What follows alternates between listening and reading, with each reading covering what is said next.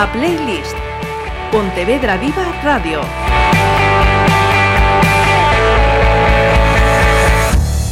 Walking where have been. Cause there's on the ground. Don't pretend to hide desires. Cause I will realize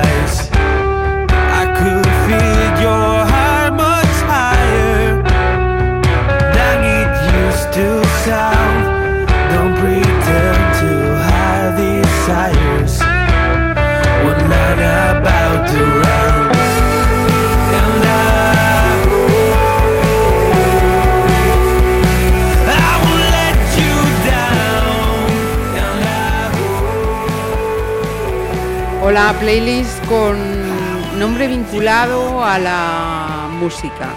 Así que ya directamente, Jacobo Sainz. Lo primero, bienvenido. Muchas gracias.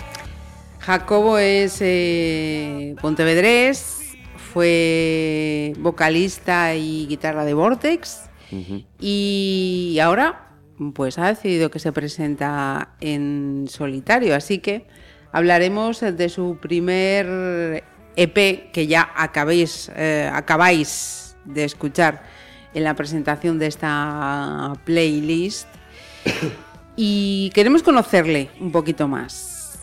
Jacobo Sainz, ¿qué más? López. Jacobo Sainz López. Jacobo Sainz eh, López. ¿Nos hablas de tu familia? Eh, pues un poco vinculado a la música o... En general, todo. Pues a mi familia, hablando de ella, le debo mucho de mi gusto musical a día de hoy. Eh, son los dos muy, muy rockerillos. Eh, mi madre siempre le gustó mm, ese rock así británico, U2, esas bandas que, que surgieron en los 80 y tal. Y mi padre ya es más, más macarrilla, más Rolling Stones. Y esa mezcla yo creo que es un poco lo que, lo que soy a día de hoy también. Ajá, o sea que de, de pequeño lo que escuchaba Jacobo era ese pop rock. Sí, sí. Recuerdo estar en el coche cantando U2, eh, yo qué sé. Ponían cosas en castellano también. Igual por eso también a día de hoy escucho mucho en inglés. Pero sí, sí, mis primeros recuerdos musicales es en el coche cantando a todo trapo, U2 y lo que me pusieran. Mira, ¿cómo se llaman? Jorge y Amparo. Jorge y Amparo tuvieron más niños, niñas. Eh, tengo un hermano mayor que está ahora en Alemania trabajando en la hostelería. Anda, Mm. de estos de decir aquí no encuentro nada y me tengo que ir a buscar la vida. o- Sí, de, surgió de estudiando, le dieron la posibilidad de ir para allí y eso lo pensó. Ajá. ¿A qué se dedicaban Jorge y Amparo? Jorge es vigilante de seguridad y Amparo es eh, funcionaria de la Junta. Ajá. Mira, eh, nacido a mediados de los 90, ya nos has dicho que eh, escuchabas entonces esa música que te trasladaron eh, tus padres, pero había alguno que mm, le diera, o sea, que no solamente escuchara, sino que también tocara. Ahí por la familia, algún Eh, abuelo o no. Mis tíos son siempre pincharon en las discotecas. O sea, yo creo que es la primera el- primer oficio musical de, de la familia. Yo creo que fueron mis tíos que, que eran DJs. Pero por lo demás, mm, nadie que tocara ningún instrumento. Más que pasión por la música, no, no había realmente instrumentistas. Mira, ¿y tu primera selección eh, qué es y por qué la has traído? Cuéntame. Mi primera canción, eh, pues es Espera que le voy a enseñar la chuleta que tengo yo aquí escrita. Pues es Hold Back the River de James Bay. Mm, la elijo primera porque creo que es la canción igual más importante en mi cambio de, de influencias. Es un artista británico, un cantautor británico así... mm, nada, típico rock inglés. Y, y no sé, me interesé por básicamente porque toca la guitarra de una forma que me llamó la atención y yo eso lo cogí, lo trasladé a, a mi música y me, me ayudó mogollón a, a, cambiarme un poco de, del palo, que yo ah, estaba demasiado encasillado en, en, el rock duro. Y me ayuda mogollón.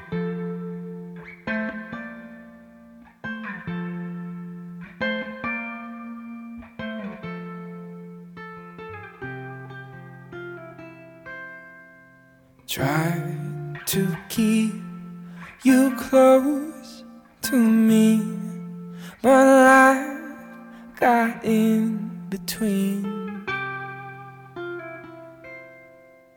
Tried to square not being there, but said that I should have been. Hold back in the river, let me look in your eyes. Hold back the river so I can stop for a minute and see where you hide. Hold back the river, hold back. Once upon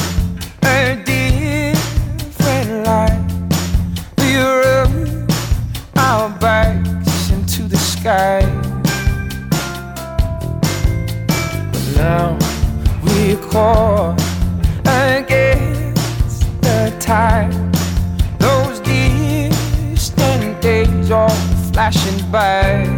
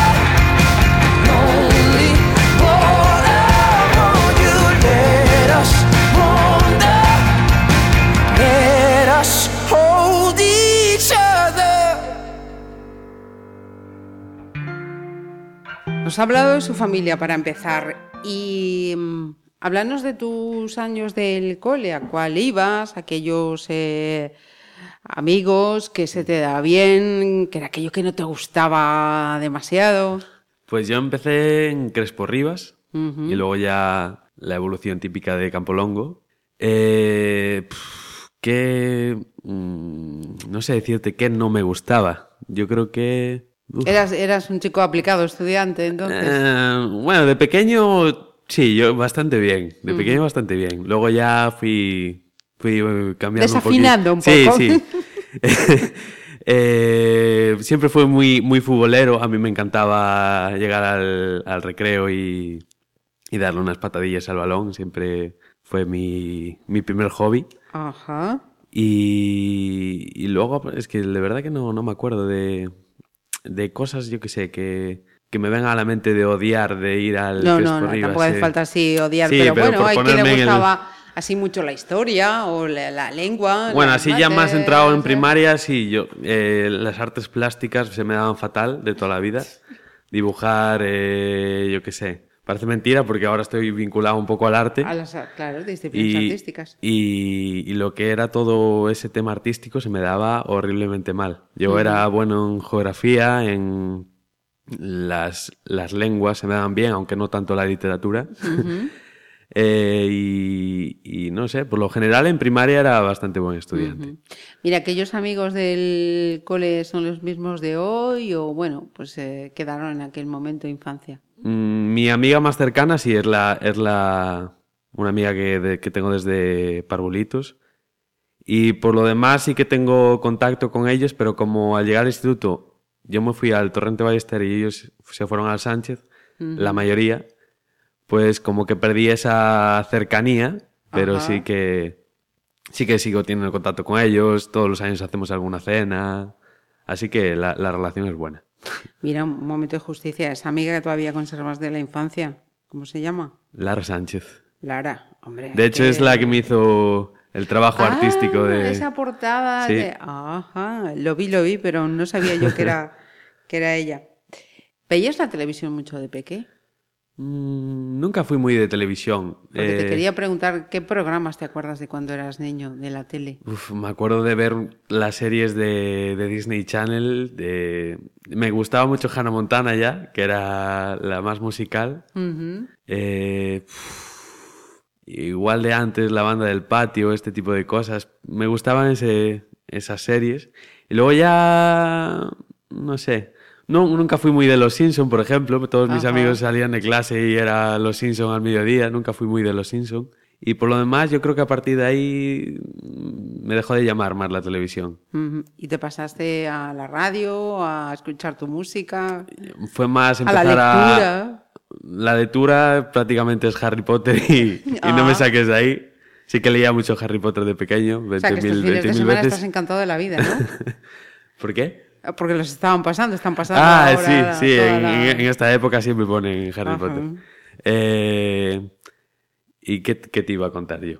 De luego que eso, que la tele ya no te atraía tanto, que te pregunta, pues igual la Ah, sí. radio, los libros, y me decías Harry Potter. Estaba muy con el ordenador. eh, yo creo que ahí empecé, mm, bueno, aparte de juegos de ordenador, empecé a, a ver vídeos musicales, a ver vídeos en directo de X artistas que ah, ni me acuerdo ya que veía de aquella, pero, pero sí que empecé ahí igual.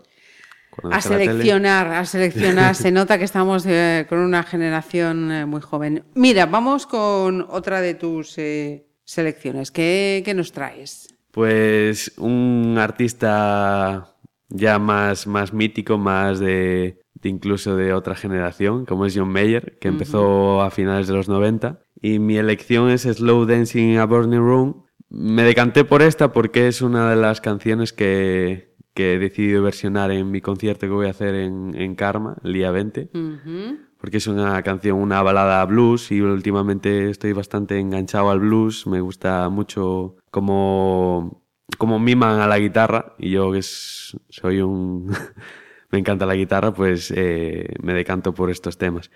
Y, y nada, qué decir de, de John Mayer, que quien no lo conozca, ganador de tropecientos Grammys, de nominado 20.000 veces, es una eminencia en Estados Unidos, es...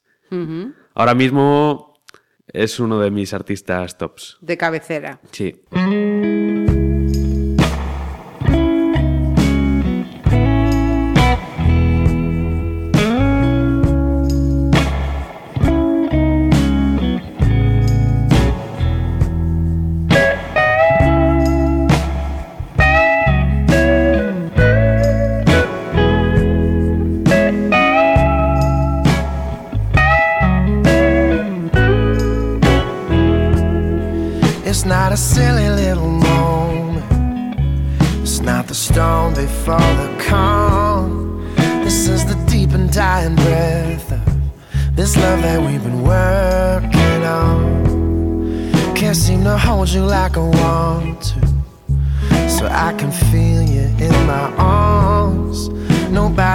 Gonna come and save you. We pulled too many false alarms. We're going down, and you can see it too. We're going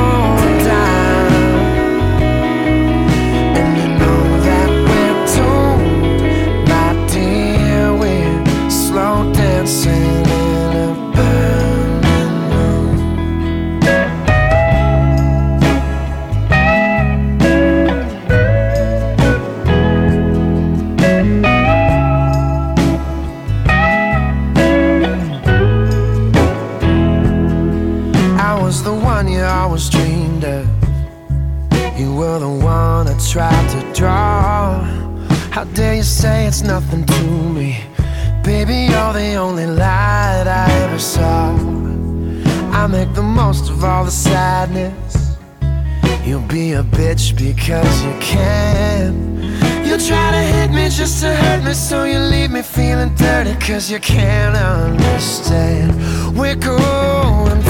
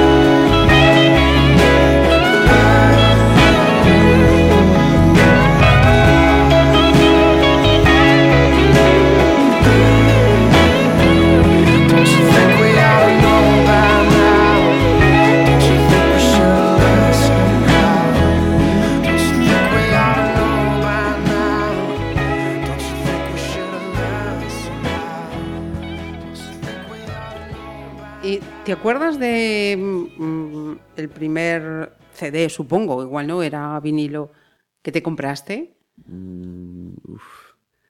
¿Cuenta el- algún CD chorras que te compras de Sí, pequeño? Sí, sí, sí, por supuesto. El primer recuerdo de CD así de que me entrara la, la típica de niño de quiero esto y lo quiero y punto, era un disco de grandes éxitos de Chayanne. Toma, fíjate, tú no pensé que ibas a ir Chayanne en esta De pequeño era un poco, no sé, más, más discotequero quizás. Ajá. Eh, pero disco de comprado ya con mi dinero y tal, yo creo que fue un disco de Megadeth, una banda de... Caray, menuda de- diferencia. De rock duro, sí. Ajá. De hecho, le, le encanta a mi padre. Ujú. Mira, con lo, lo de Chayanne, ¿cuántos años tenías, te acuerdas, más o menos? No sé, Siete, andaría ocho, por sí, seis. o menos incluso. Menos seis incluso. añitos, seis, siete años. Menudo salto, menudo salto. Mira, y em, nos vamos ya a ese momento ya casi Megadeth, ¿no? Ya en el que uno ya de- decide por sí mismo, ya adolescencia. mm. Eh, em, ¿En casa te daban eh, libertad así para salir, para moverte por ahí? ¿O Jorge y Amparo han sido de los que te han dicho, no, no, a esta hora en casita y de ahí no te pasas ni un minuto? Nada, tan, tan estrictos así no. Siempre, hombre, unas normas básicas siempre hay, pero siempre tuve mucha libertad, no me quejo. Y teniendo un hermano mayor, supongo que también te abriría camino, ¿no? ¿O Sí, no? pero al, al ser un año mayor que yo solo, 14 meses nos llevamos, es como... Iguales, No, fue el mismo rasero. Sí, de hecho igual él le llegaba todo más tarde que a mí, Ajá. un año más tarde. ¿Hay alguien que tiraba de quién? ¿El pequeño tiraba del mayor? ¿El mayor tiraba del Eh, pequeño? Pues no sé decirte mm, para qué exactamente. Depende. ¿no? Eh, sí, Vamos a sí, dejarlo en sí, el sí. depende. ¿Cómo se llama tu hermano, por cierto? que Tomás. No te he preguntado. Tomás, vale. Me decías antes, unos amigos se fueron al, al Sánchez, yo me fui al Torrente. Mm. Em, ¿En el Torrente ya tenías claro lo que querías hacer o todavía andaba uno do- Sí, disperso con sí, esa... sí. En el torrente ya empecé a escuchar. Recuerdo que mi primer. Sí, el- la primera persona allí que conocí que, que hablábamos de música y tal, de hecho fue el, el bajista y, y segundo vocalista de, de Vortex. Y ya empezábamos a hablar de, de bandas de rock duro y, y compartíamos ese, esos gustos que, que solo podíamos hablar entre nosotros porque los demás nos iban a decir estos rockeros o yo qué sé, o cosas peores. Eh, y nada, eh, sí que empecé ahí a escuchar Nickelback, que es una de las bandas que traigo hoy, eh, Linkin Park, Metallica, Megadeth, que fue el disco que comenté antes, que fue lo primero que me compré. Y ahí sí que empezó mi, mi afición por la guitarra, sí, en, en la ESO. En la ESO empezó su afición por la guitarra. Eh, ¿y, ya sabías que querías ir por la música o no? Mm, bueno, tanto como saber que quería ir por la música, sí, yo sabía que, que, mm, no sé si a qué nivel de, de seriedad, pero, pero sí, yo tenía claro que quería, quería tener una banda, un proyecto musical y, y oye, pues fue adelante.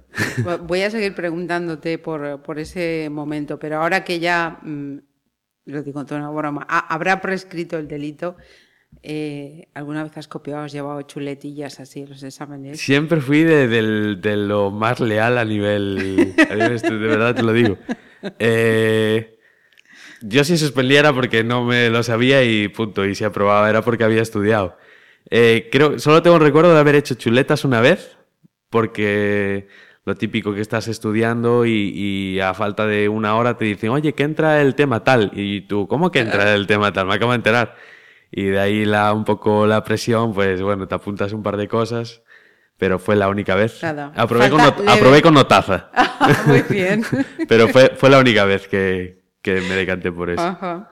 Venga, vamos a ponerle una nota musical a esto. Bueno, varias. ¿Qué vamos a escuchar ahora?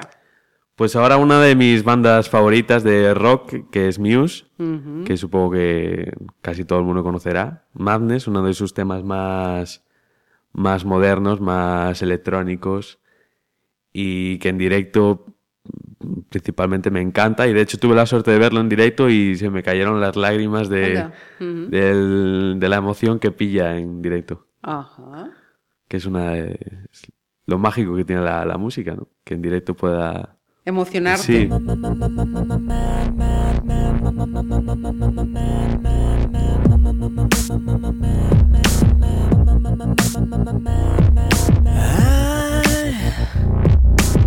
I can't get these memories out of my mind, and some kind of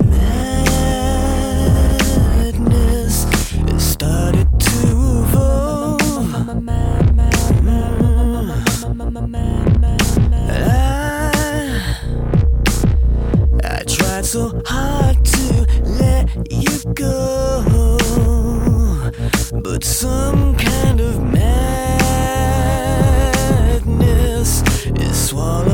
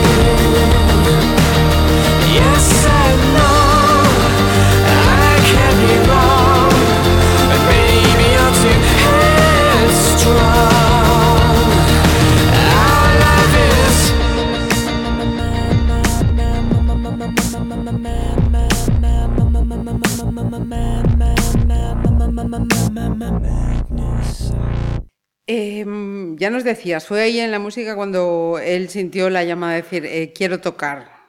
Eh, pero mm, ¿ya, ¿ya pensabas en alguna cosa que te lo planteo de otra manera, para no andar así con, con vueltas? Después del, del instituto, del torrente, eh, ¿seguiste con estudios superiores? ¿Ahí lo dejaste? Estudié música en una academia privada en, en Vigo. El- la titulación de la Rock School. Eh, y, y nada, me especialicé por ahí, aprendí mucha, mucha música, todo lo que sé a día de hoy lo aprendí ahí prácticamente. Y llegó un momento en el que por tiempo y también por porque veía que no necesitaba, siempre se necesita saber más, obviamente, pero en ese momento noté que mm, tenía las herramientas adecuadas para hacer lo que necesitaba en ese momento y, y por falta de tiempo decidí apartarme de los estudios y hasta hoy. Igual el día de mañana lo retomo y, y vuelvo a, a estudiar lo, lo que me falta, que aún es bastante, pero de momento sí. Mira, si no he hecho mal los cálculos, con 15 más o menos empiezas con Vortex, ¿no? Sí, ahora no- en 2000, sí, 16 años. 16. Sí. Eh, ¿Cómo surge además eso de compartir esos gustos con el bajista que nos habías comentado antes? Yo creo que empezó un poco ahí, aunque nunca lo había pensado. Yo creo que empezó un poco. Sí que la banda no empezó con Víctor, que era es el compañero que te comentaba antes, porque yo ya tenía algún colega de que venía de atrás de, de primaria que también hablábamos un poco de comprarnos instrumentos y, y entonces lo, la idea surgió con él. Luego conocí a un batería en una academia de, de estudio de verano, que eso también dice mucho de mis, de mis capacidades para estudiar. Eh, y, a partir de ahí surgió la idea de lo típico. Eh, estás en la academia, empiezas a hablar de música, ah, pues yo soy guitarrista, yo soy batería, no sé qué, pues vamos a juntarnos a hacer un poco de ruido y, y a partir de ahí algo que parece una tontería de, de dos amigos tocando algo, pues se convierte en un- algo más serio. Pues háblanos ahora de, de Vortex, ¿cómo es decir, venga, tiramos para, para adelante? Uf, Vortex fue un proyecto muy duro y a la vez muy, muy ilusionante. Con, llegaron cosas muy bonitas. Eh, conseguimos cosas que igual no nos, no nos dimos cuenta de lo que conseguimos en su momento, pero luego echar la vista atrás y oye, pues sí que son logros bastante chulos, como tocar en el Resu, que es uno de los escenarios más importantes, ya no solo de, de España, sino de Europa, es un referente a nivel de metal, de rock duro. Viene mucha gente de, de Europa o de incluso de fuera de Europa al Resu. pues, Y, y ese fue para mí el logro más grande que conseguimos, pero luego, no sé, tuvimos algún que otro premio por ahí, tocamos en el Sonrías, eh, nos dieron algún que otro premio local como la mejor banda en directo de, de Pontevedra, o sea que, y votado por los propios músicos, cosa que a mí me parece súper chulo. Y, y no sé, eh, fue una, una experiencia súper bonita que me ha dado mucho a lo que soy hoy como músico. Y, y nada, pero bueno, todo tiene su, su final. Lo- Luego, luego te preguntaré por ahí. Pero quería también preguntarte, eh, un concierto para ti eh, especial sobre el escenario. Igual lo has mencionado ya cuando has dicho lo del Resurrection. No, sé. no, o sea, sí que es, a nivel logro sí que es el mayor, pero de disfrutar me voy a quedar con el concierto de las peregrinas que dimos en 2014, abriendo las peregrinas ese año. Ajá. Claro, salir y ver toda la Plaza de España llena, no sé, es, es para repetir. Y un concierto especial como público. Como público, mm, es que tengo tres en la cabeza. Pues Eh, cualquiera de los tres, mencióname los tres. Vi a, Bueno, de Nickelback hablaremos más adelante porque tengo una canción ahí. Muse ya lo acabo de mencionar, eh, pero bueno, James Bay también fue la primera. Me voy a quedar con el de James Bay porque fue el último que vi.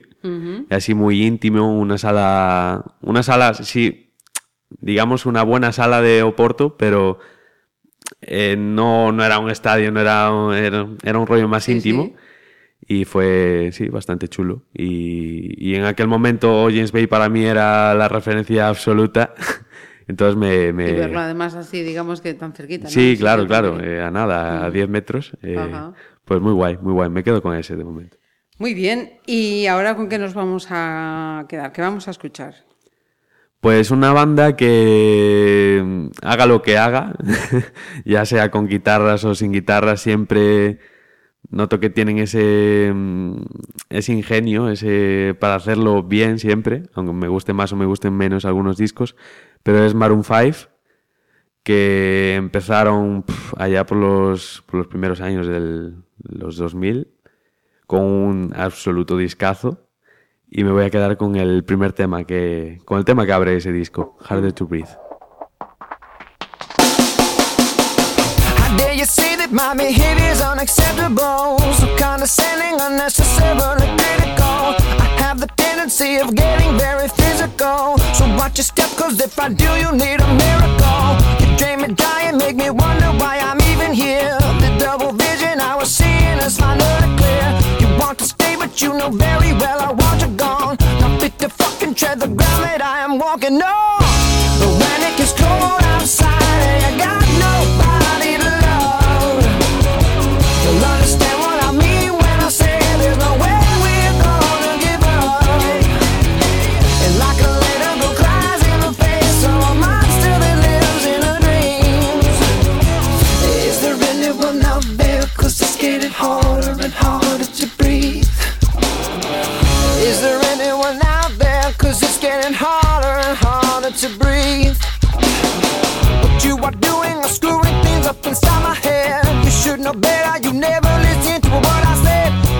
Pillow and writhing in the naked sweat. Hoping somebody someday will do you like I did.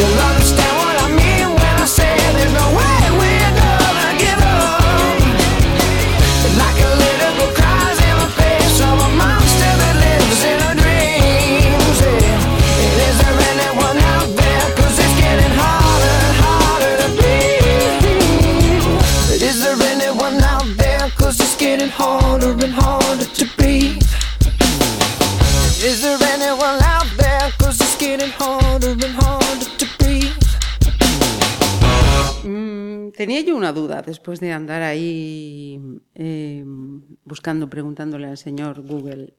¿Qué eh, o cuál es para ti la definición de artista? Uf, nunca me lo había planteado. Sí, yo creo que sí, ¿eh? Por ahí he visto algo. Sí, Sí. pues. eh, artista. Mm, hombre, pues es. Pensado en mí. Es una persona que, que saca un poco lo que. Lo que lleva dentro, ¿no? Eh, ya sea pintando, eh, escribiendo, música, letra. Eh, pero no sé, en mi caso, artista, eso, pues sacar un poco todas las emociones, que considero que mi música es muy emocional, sacarlo y hacer de cada emoción pues un conjunto de notas. Em, cuestión de, de generación. Una pregunta. ¿A qué edad tuviste tu primer móvil? Mi primer móvil. Diría que en sexto de primaria. Sexto de primaria. Eh, que yo creo que ahora empiezan ya mucho antes. Eh, ¿Tienes memorizado algún teléfono de número fijo? sí. De hecho... No hace falta que los digas, pero... Ya, ya, ya, a ver. eh, ahora igual no se me ocurren tantos, pero de- yo de, de eso, en sexto, primero, segundo, pf, recordaba mogollón de, de números. Ahora, claro, fijo, entiendo por dónde va la pregunta. Sí, sí. Eh, sí, fijo. Claro, es que hace tiempo ya que. Pero sí, a- algunos recuerdo. Menos que antes, pero algunos recuerdo. Ajá. Eh, ¿Utilizas mucho redes sociales? Sí. ¿Cuántas eh, tienes? Eh, principalmente Instagram, luego Facebook la uso un poco más así secundario. Y luego Twitter, pf, que la abro en plan casi obligado. Ya para, para informarme un poquillo. estar. Sí, hay Ajá. que estar. Twitter para informarte un poquillo. Sí, eh, es, un- es una buena forma de, de- de ver noticias y tal, como Facebook también. Face- eso te iba a decir ahora. ¿Facebook para? También es un poco de información y tal. ¿E Insta? Insta es como más, más ocio, ¿no? Eh, es donde tienes a tus amigos más cercanos y no tan cercanos. Eh, comparten un poco su día a día y es como la, la más abierta. Ajá. ¿Cuál es la que más postureo tiene? Instagram, sin duda. bueno, que en Facebook depende, yo creo que va por generaciones. Facebook también tiene, tiene su aquel. Ajá. ¿Tus padres tienen Facebook? Sí. ¿Te tienen Sí, agregado? sí, no, no tengo ningún problema en que me tengan. Total, prácticamente mi Facebook es, es musical, ¿no? Suelo, Ciertamente. no sí, suelo sí. poner nada, Mm. nada ¿Podrías raro. estar una semana sin móvil? Me costaría, pero se podría hacer el esfuerzo. ¿Por qué o por quién harías el esfuerzo? Uf. Mm, eso ya no se me ocurre, ¿eh? por mí. O por mis por, padres. por también. higiene mental. por higiene sí, mental. sí, sí, sí. Mira, vamos a, a escuchar otra de tus selecciones. Que nos traes ya la mitad de esta playlist. Hmm. Eh, ahora me, me decanté por una de Nickelback, porque Nickelback siempre fue uno de mis referentes. Es ese grupo que siempre que dices que te gusta, eh, te encuentras a, a 20 personas diciéndote, pero ¿cómo te gusta eso tal? Y al final eh, de esas 20, 18 no, no lo han escuchado. Así que es, es la típica moda de, hateo por hateo. Y me decanté por Animals porque es la canción que tuve la suerte de, de tocar con ellos cuando vinieron a Madrid a tocar en el Palacio Vista Alegre. Ajá. Y tuve la suerte de tocar con ellos la, la guitarra, y entonces por eso. Animals. Es- esa foto está en tus redes sociales, ¿no? Sí, de hecho creo que la tengo de, de foto de perfil en Facebook. Efectivamente. efectivamente.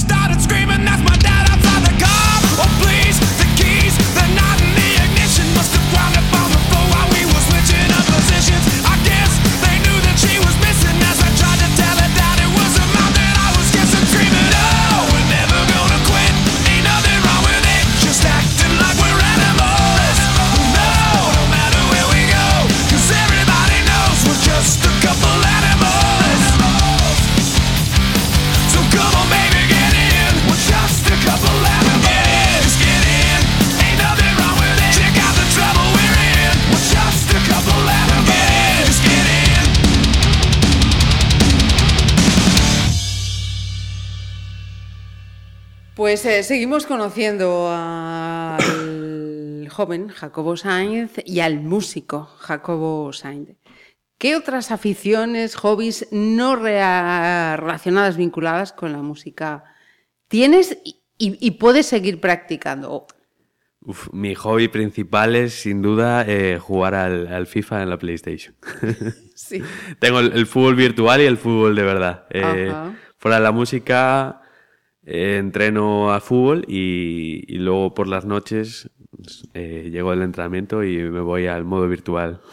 Ajá. es algo que me encanta. Entrenas, ¿es eso lo que te, digamos, dicho así de forma muy, vul- muy vulgar, llena el bolsillo a fin de mes o, a- a- o qué es? Bueno, sí, digamos que una ayuda tengo de entrenar, porque por las tardes entreno a unos niños Ujú.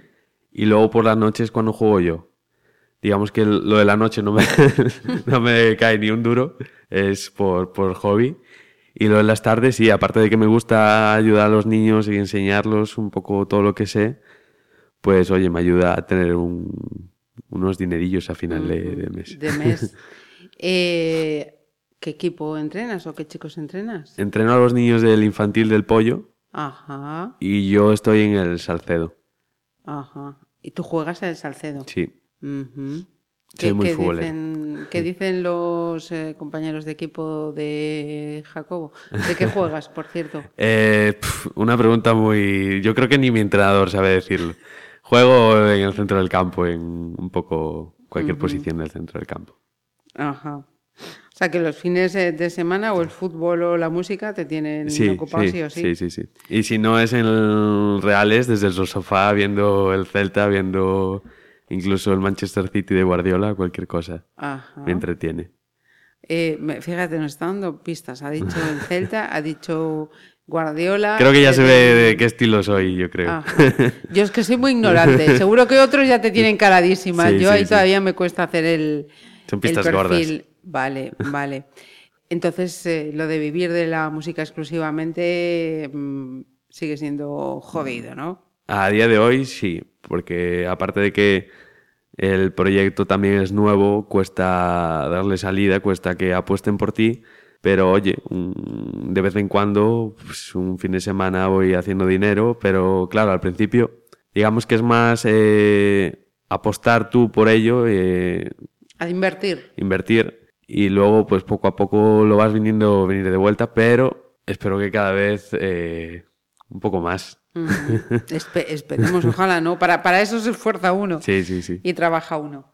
Venga, vamos a darle un poquito más de música. Cuéntanos, ¿qué hay de sexta selección? Pues uno de mis artistas, bueno, uno de los artistas más, más actuales y más, igual más de, de radio, que podemos escuchar en cualquier emisora internacional, que es Harry Styles, que es del ex de la banda One Direction, que cualquier adolescente y no adolescente la Sí, sí, conocería. lo conozco hasta yo, que fíjate. De hecho, eh, si me dices hace cinco años que me gustaría hoy un integrante de la banda de One Direction, te diría que es imposible. Pero bueno, entre que le ha venido muy bien el cambio Ajá. al chaval y que yo también estoy un poco más abierto de, de miras y no soy tan, tan hater musical, pues sí, la verdad es que me gusta mucho y me decanté por Sign of the Times.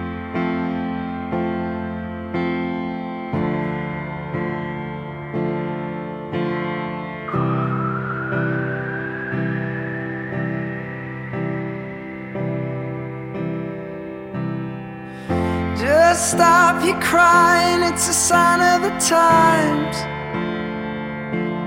Welcome to the final show. I hope you're wearing your best clothes. You can't bribe the door on your way to the sky.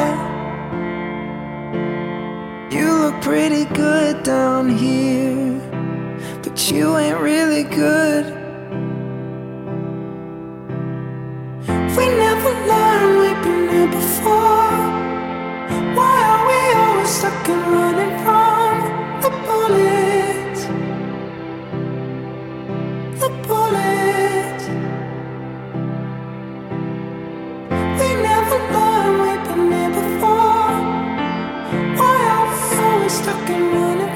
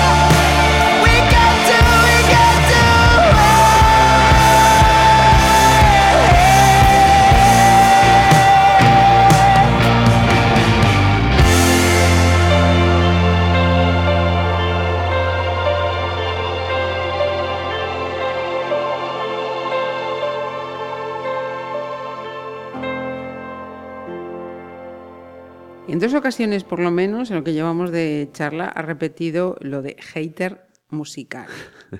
Habrá gente eh, que está diciendo, ¿de qué está hablando este chaval? Bueno, eh, es complicado, ¿no? Eh, hater musical. Digamos que es que en todos los ámbitos hay, en- en- depende en qué estilo, siempre, siempre va a haber como, yo qué sé, recuerdo por ejemplo cuando estaba más metido en el mundo del rock duro, del metal, que mm, un poco, voy a hablar un poco en primera persona, en plural, pero nos sentíamos tan ofendidos siempre de que éramos un estilo que la gente le daba duro porque, claro, había gritos, las guitarras muy distorsionadas, que era, claro, la gente decía eso es ruido, tal, y nos sentíamos tan ofendidos que al final eh, una música que no fuera eso, nosotros también la, la despreciábamos. ¿sí? Y era un error cantado porque al final combatíamos fuego con fuego y, y eso estaba fatal. Y ahora lo veo un poco con perspectiva y, y me abrí un poco más con eso. Gracias. Me sigue gustando mogollón el rock duro, pero a la vez me gustan cosas súper suaves o incluso música más discotequera como puede ser Dua Lipa o Charlie Puth, eh, ya música más que puedes escuchar el sábado noche en La Pomada, por ejemplo. Eh, y eso, pues soy un poco más abierto, pero sí que eh, siempre, no sé, por ejemplo, mis amigos, sé que lo hacen de broma, pero me hatean en el sentido de... eh, me- es por vacilarme, ¿sabes? Pero yo qué sé, me hacen la típica de, "Buah, es que si vamos a tu concierto nos vamos a quedar dormidos, ¿eh? Pues claro, porque a ellos les gusta que tengan un ritmo pachanguero y si es una balada o yo qué sé, pues ya ellos ya lo gitean por, por, por repetir la palabra. Y así con todo, ¿no? Eh, ¿Nocturno o diurno? Uf, muy nocturno. Muy nocturno. Sí, Mm, o sea que lo del despertador lo llevas mal. bastante mal, sí. ¿Estado sentimental? Eh, estado sentimental. Mm, ¿Qué opciones hay? Las que tú sientas. eh, Enamorado, sin enamorar, eh, con pareja, sin pareja, a la Mm. Espera de que aparezca alguien, sin ganas de que aparezca nadie. Estoy ¿Estás confuso, confuso? No, no sé lo que quiero, la verdad. No sé, no sé lo que quiero. Pero a la vez a la espera de que aparezca alguien. Vale, perfecto. Eh, mira, hasta ahora, ¿qué es lo que mm, mayor decepción te ha ocasionado en tu vida? Tu cortita vida. Tienes, no, has llegado ni a los 30 siquiera. Uf. eh, mi momento más duro fue cuando tuve un, accidente eh, jugando al fútbol. Que ahí entre que me replanteaba si, yo qué sé, porque me. Entre que me tuvieron que hacer una traqueotomía y tal, yo ahí hasta dudaba de si eso me iba a afectar a las cuerdas vocales. que si iba a estar bien para poder volver a jugar al fútbol, porque entre que los médicos y mis padres ya que, pensaran en que yo quisiera jugar al fútbol después del accidente gordo que tuve, ya ellos es, el, estaban ya que, me odiaban ahí. Eh, eso yo creo que fue el, bueno, creo no, fue el momento más duro sin duda por eso, entre que no sabía cómo iba a salir de ahí, si iba a poder seguir haciendo lo que hacía y a la vez tampoco sabía muy bien lo, lo que me pasaba, entonces pues fue, fue O sea, que durillo. más que de- decepción fue preocupación, Mm. an- ansiedad, no saber qué es lo que, lo que va a pasar, ¿no? Sí, pero decepción a lo que tú te refieres no sé, no, no se me ocurre. No sé si tú ibas por otro lado. Sí, pues no sé, algún proyecto en el que tienes unas expectativas, Mm. alguien en el que tienes unas expectativas y resulta que... Mm, no, en ese O no, sentido o nunca has tenido que verte en esa situación, afortunadamente. Yo diría que no. Perfecto, me alegro. Eh, séptima selección, Jacobo. Eh, séptima, pues un grupo británico que se llama King, eh, muy de la época de Coldplay y de estos grupos. Y Is It Any Wonder se llama la canción de... De hecho, no sé si el disco se llama igual, me parece. Un típico grupo que veía yo muy cuando estaba enganchado a, a las... ay, a los, a los programas de la MTV y así, de, que hacían en Gran Bretaña, que mucho era en TV Rocks y cosas de esas. Y ponían mucho King y pues por eso... Conocí muchos grupos por esos programas y uno, uno de esos fue, fue King. Fue King. Sí. Ujú. I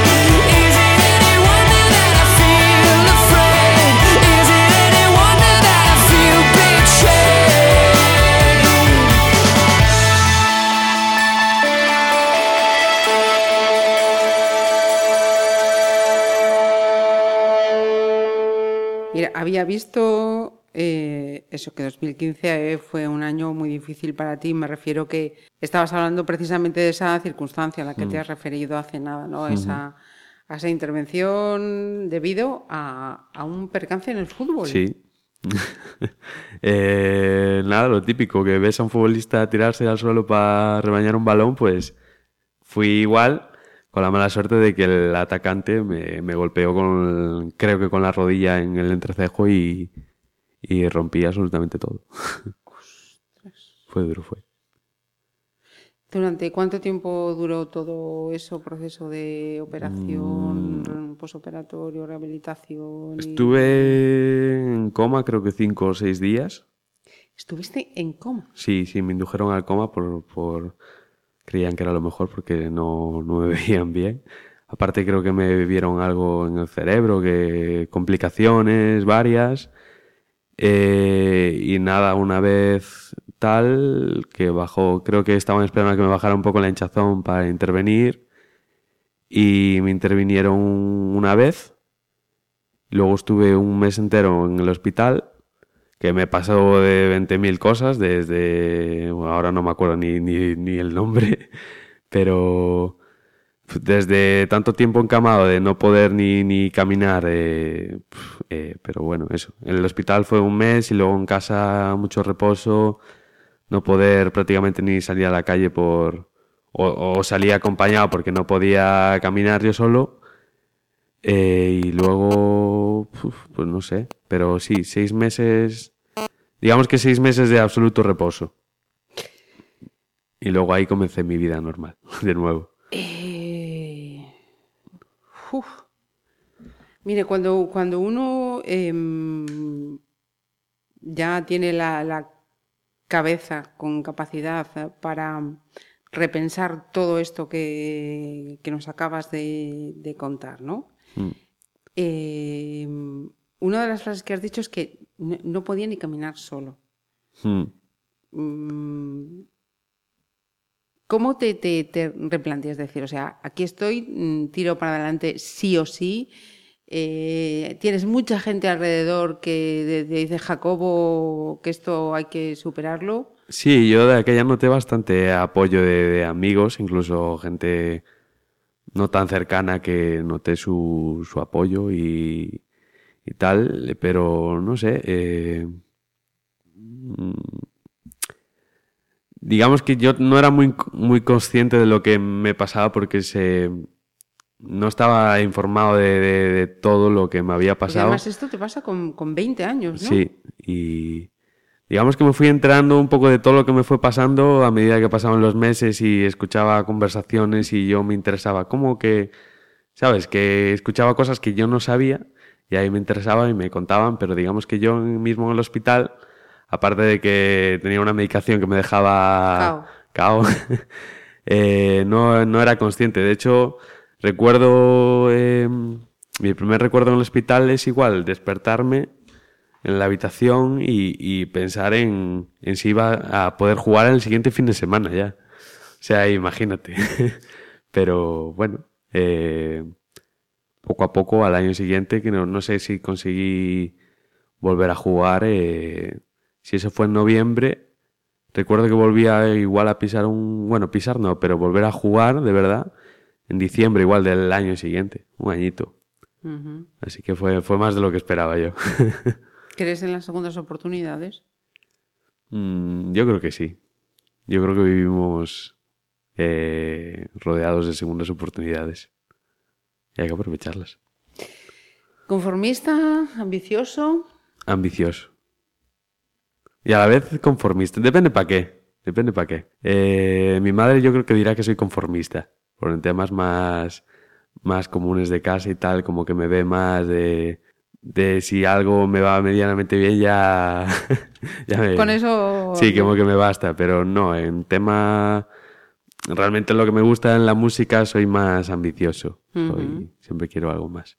Mira, ¿y el mejor consejo que recuerdes te hayan dado? Uf. Es que yo soy, soy muy poco atento. Digamos que nunca puedo tener una conversación con alguien y al día siguiente, como soy muy, soy muy despistado, no, No sé, pero ah, seguro que llego a casa y se me ocurre y digo, joder, ¿por qué no habré dicho esto? Que... Pero así de primeras no, no se me ocurre. Pero he tenido grandísimos mentores musicales que de seguro igual no se me ocurre algo ahora, pero que me han ayudado mogollón a, sobre todo a crear, eh, o sea, todo lo que aprendí. Eh, mi profesor de guitarra, David Zarandón, mi ex profesor Lino, de aquí de Pontevedra, eh, mi, mi ex profesora de canto, Isabela. Es que luego también el productor con el que trabajo, Yago Pico, es gente con la que a diario aprendes mogollón para el oficio. Optimista. Mm, realista. Bien, piensa en el suelo, ¿no? Que es de donde uno nunca se cae. Sí. Vamos a escuchar otra de tus selecciones, Jacobo. Eh, bueno, ya lo mencioné antes, que es una de las bandas que le encantaba a mi madre. Recuerdo que me ponían en el coche siempre un disco en directo de ellos, de U2, y, y me emocionaba mogollón ya el escuchar un disco en directo, en- no, no lo estás viendo, pero lo escuchas, escuchas a la gente gritar en el disco y como que tú te, te- el DVD está en tu cabeza, te ves, tú recreas las imágenes y, y el primer recuerdo es la entrada de ese disco y me la imaginaba como algo súper, no sé, como algo que quería vivir yo. Y la canción es City of Blinding Lights, de hecho se parece al disco de mi, mi disco. Eh, y, y nada, eso, que me... Una canción que me encanta de un grupo que me apasiona. Y que además va por amparo. Sí, venga.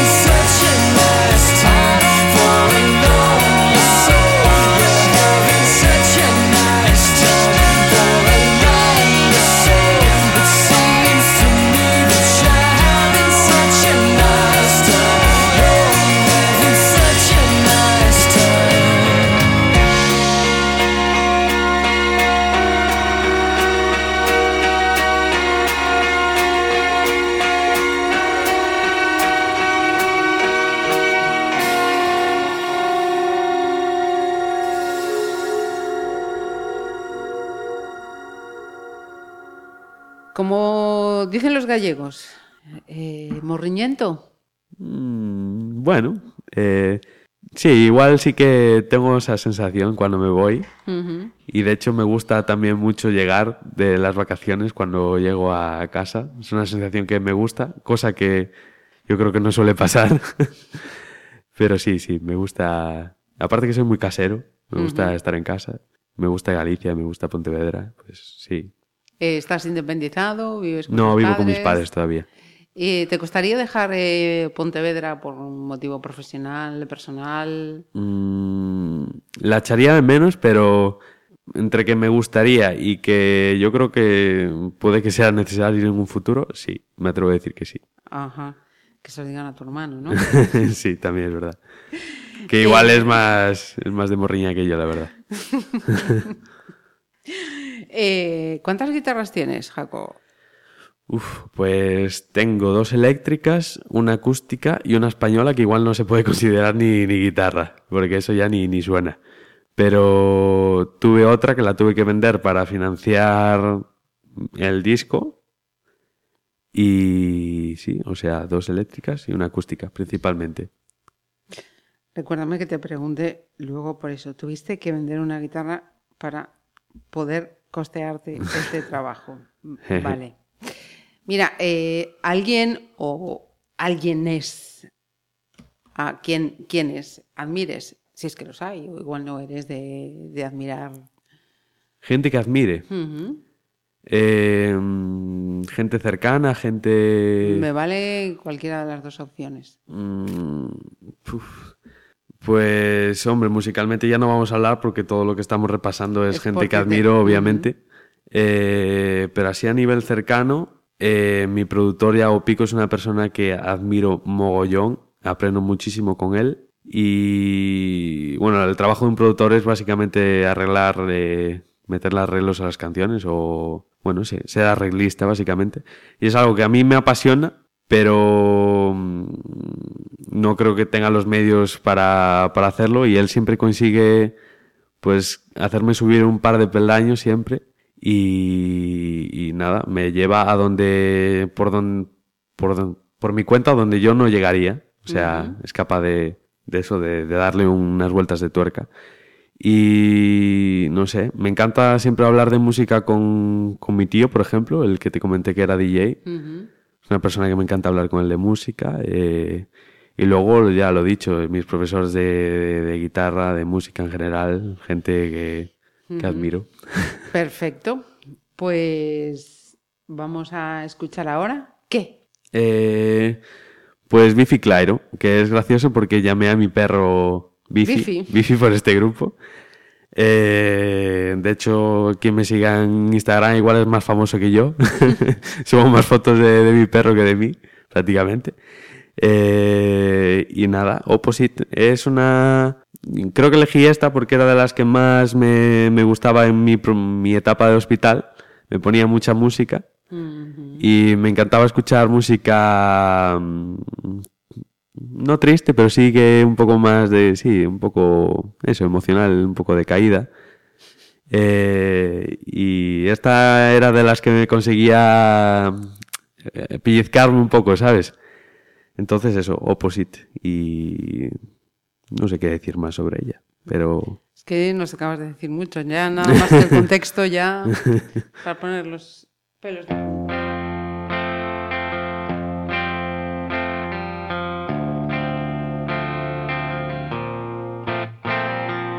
You are the loneliest person that I've ever known. We are joined to the surface, but nowhere else.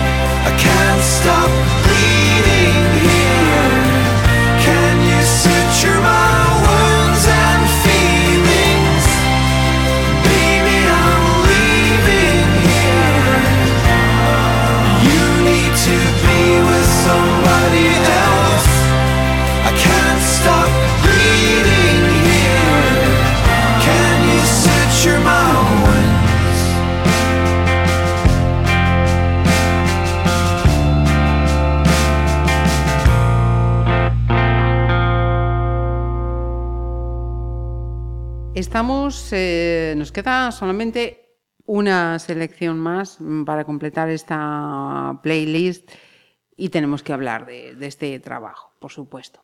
¿Por qué eh, decides reconducir esa trayectoria musical y decir, bueno, pues ahora es mi momento y termina Vortex o Sí. había terminado Vortex y en lugar de decir, venga, pues otro grupo, dices, no, yo solito Sí, by bueno, pues- myself. Pues, para eso primero tengo que hablar un poco cómo surgió el, el final de la banda. Ajá. Bueno, eran etapas duras donde mm, eh, realmente perdimos todos un poco la ambición, el- perdimos metas, eh, no llegaban cosas, sobre todo tampoco llegaba dinero, que yo creo que es lo- era lo más importante en ese momento, lo que pensábamos. Y algunos lo tomaban, no lo daban tanta importancia porque lo tenían realmente como un hobby porque les entraba dinero por otro lado también.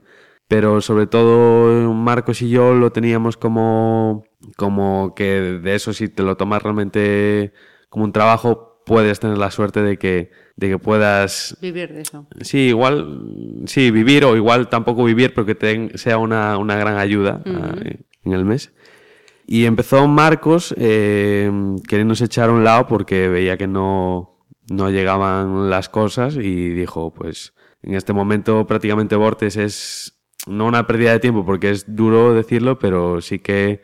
mm, Terminó. Sí, Tenía y, y se quiso echar a un lado, cosa que lo acepté, bueno, lo aceptamos. Y en ese momento, yo esos meses eh, empecé, mm, estaba empezando a escuchar nueva música, me estaba empezando a aficionar a, otro, a otras cosas y tenía el gusanillo de, jova, me gustaría el día de mañana pues tener otro, otro proyecto personal porque la música que yo estaba empezando a componer no tenía cabida en, en Vortex, por, por el estilo, El obviamente. estilo, sí. Entonces por eso tenía el gusanillo. Y de repente surge el, el adiós de Marcos. Y dije, mm, pues es ahora o nunca. Así que por mucho que me doliera a mí principalmente y que mm, les doliera a ellos, pues decidí que sí, que era el momento de dejarlo y empezar por mi cuenta. Ajá. ¿Qué te inspira o de qué hablas en las letras de este EP Mm. o cuando compones? Me, al igual que cuando leo las letras de un artista, me gusta, sí, mayormente me gusta que sean relacionadas con el amor o por lo menos que sean abiertas a que yo pueda interpretarlo como románticas o de la vida en general. Eh, cosas que, yo que sé, que, que te puedan pasar en el día a día, que por lo general. Eh, me inspiré en este disco en relaciones pasadas eh, para buscar pues una fuente de inspiración que en ese momento no, no tenía. Eh, y eso, me ayudó mogollón a- al tema lírico. ¿Y las melodías surgen de forma más fácil? ¿Tienes Sí. que buscarlas mucho? Sí, se me da, yo creo que se me da mejor la música que, que la letra, la verdad. Ujú. Soy más, soy más de melodía que que de, Ajá. De boli. ¿Ha habido, ha habido artistas que me tienen dicho que, mm, que siempre llevaban un- un- una libreta o algo aunque anotar porque de repente les venía ahí la musa y Sí. Eh, no sé si es tu caso. Lo tengo hecho alguna que otra vez con el móvil, pero muy, muy contadas veces. Igual se me ocurre algo. Yo soy muy de los que piensa, va, eh, si mañana quiero, me, me acuerdo, y nunca es verdad. Eh, Luego al día siguiente lo quieres recordar y se te va. Yo, más que la letra, soy muy de. Igual se me ocurre algo eh, melódico, y normalmente estás en cama siempre soñando eh, y se te ocurre algo, tienes una canción en tu cabeza. Aprovecho, como no es hora para coger la guitarra, pues pongo el, la grabadora del móvil y lo tararé un poco para el día siguiente acordarme de la melodía. De hecho, es, es algo bastante... Yo no sabía que era algo común, pero, eh, por ejemplo, el último disco de Charlie Puth, que te comenté que era uno de los artistas que me gusta, así más, más pop, eh, su último disco se llama Voice Notes porque lo compuso todo a base de, de empezar grabando todo con, con la grabadora del móvil, ideas por la, por la calle y, y de ahí surgió. Y ahí es donde me di cuenta que, que no era el único que lo hacía, que es algo mucho más común en los músicos. Ajá. Así que sí. A todo aquel, aquella que esté escuchando, ¿cómo nos venderías City Lights? City Lights, pues mm, es un, disco muy emocional, sobre todo me gusta me gusta tanto expresarme con, con las letras como con melodías de guitarra o de voz. Me gusta que la guitarra sea un instrumento principal que diga tanto como puede decir una, una frase. Igual sí que no todo el mundo puede llegar a, a entenderla, pero que pero digamos que sí que puede llegar a, a pellizcar igual que una, una frase bonita de, entonces es lo que intento, eh, música que exprese tanto como puede expresar una letra bonita. Y, y nada, son cinco canciones eh, que compuse hace un año, bueno, durante Durante un año. un año. Y, y nada, le doy mucha importancia a eso, a la, a la música. Y, y los siguientes proyectos, ya te digo que la guitarra va a estar todavía más, más presente. sí. Ajá. Una carátula muy sencilla que ya nos ha dicho al principio que diseñó su amiga Lara. Y una presentación que también nos ha enseñado el próximo día 20 de diciembre en la Sala Karma. No sé si hay nervios, ansiedad, el tiempo pasa Bueno. lento, el tiempo pasa rápido, esperando esa fecha. Es el primer concierto con, con la banda. Ujú. Porque apar- eh, durante todo este tiempo, todo lo que estuve presentando por mi cuenta y tal, fui yo solo con la acústica, nada más, cosa que costó acostumbrarse porque te ves tú solo en un escenario y, y, oye, pues... Impone. Impone, impone. Y a mí lo que realmente me gusta es, mm, aparte de que sí que me gusta es eh, tocar con la acústica porque, oye, me gusta tocar, me gusta cantar, pero realmente lo que me gusta a mí es, eh, bueno, me gusta el rock, realmente que haya, que haya movimiento. Entonces me gusta estar acompañado de una banda y más si son amigos y contando talento como, como tienen ellos. Y eso, que me gusta que tenga un poco de marcha el tema, darle rock and rollear un poquillo. Y es la, eso, es la primera fecha con ellos, entonces son muchos nervios, ensayos todavía que quedan, muchas cosas que pulir, tanto ellos como yo, y, y nada, con, mucho, con muchas ganas. Ellos son, vamos a ponerles nombre. Sí, eh, Rubén, Rubén Iglesias, que es el que me grabó las baterías.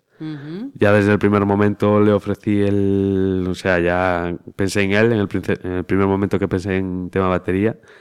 Accedió a grabar el disco conmigo y accedió también a, a luego presentarlo conmigo en formato banda en directo. Y luego tema bajo y guitarra fue más complicado porque me rayé más a, en posible gente que me acompañara. Porque aparte que quería que fuera gente cercana también, no, no irme a, a, yo que sé, a gente que realmente, que aunque viera que tocara muy bien, gente que igual no conocía.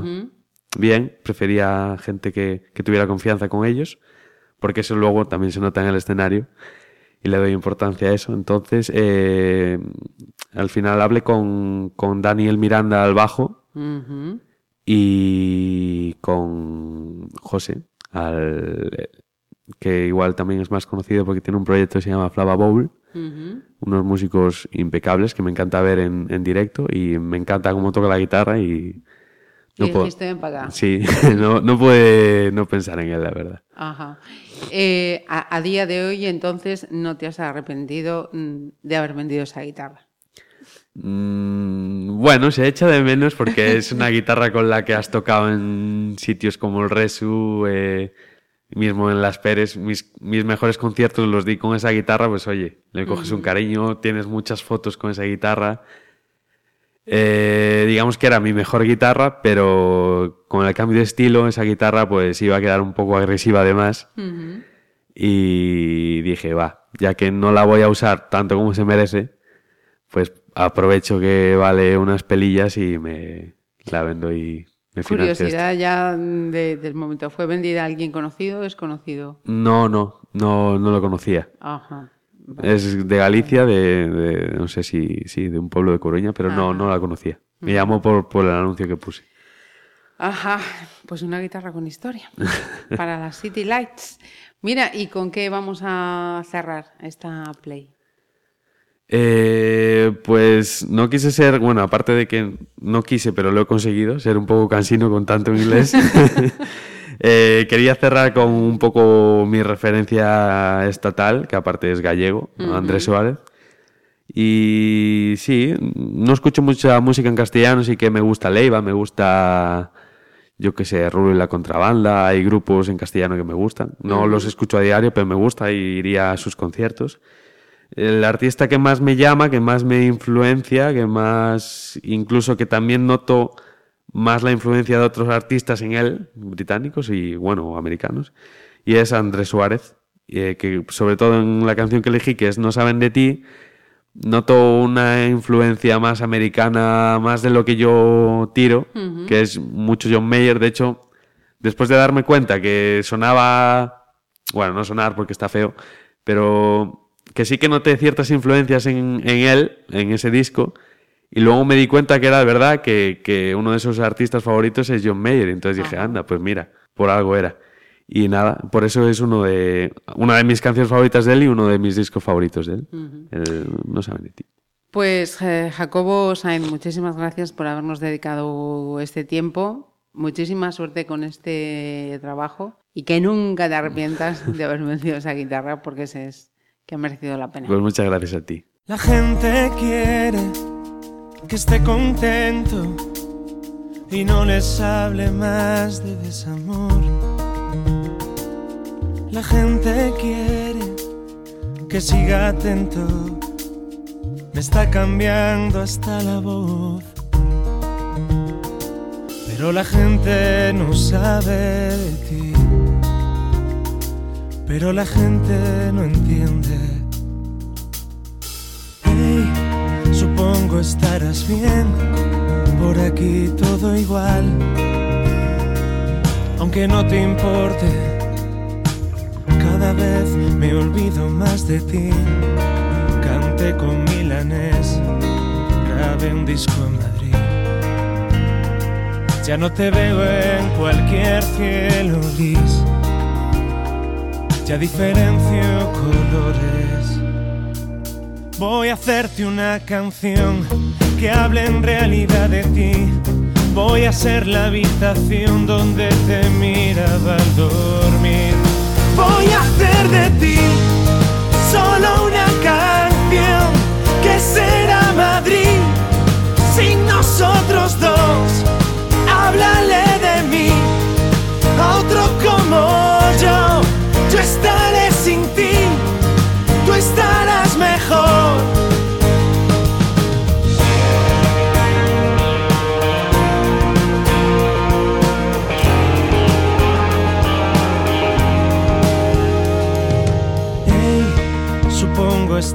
bien, supongo ya además, supongo olvidarías hasta el nombre del hostal, donde te vi feliz, donde me hiciste hablar.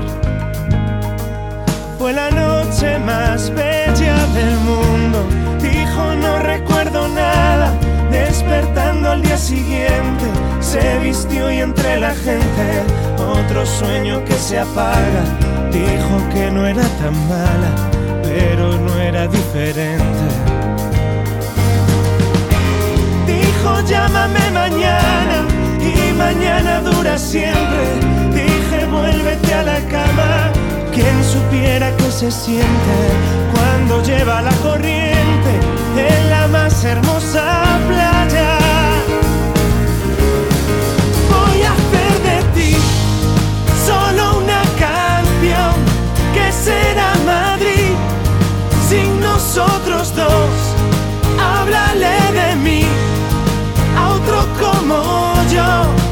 Estaré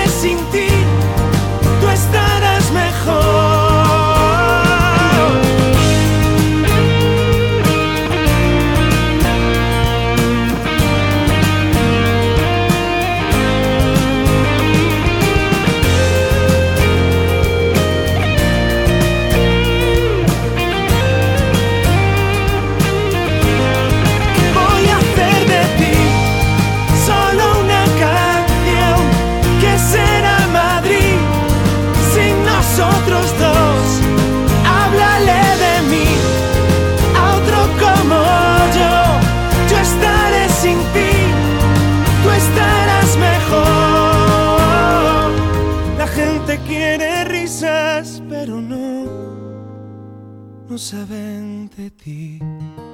Tanto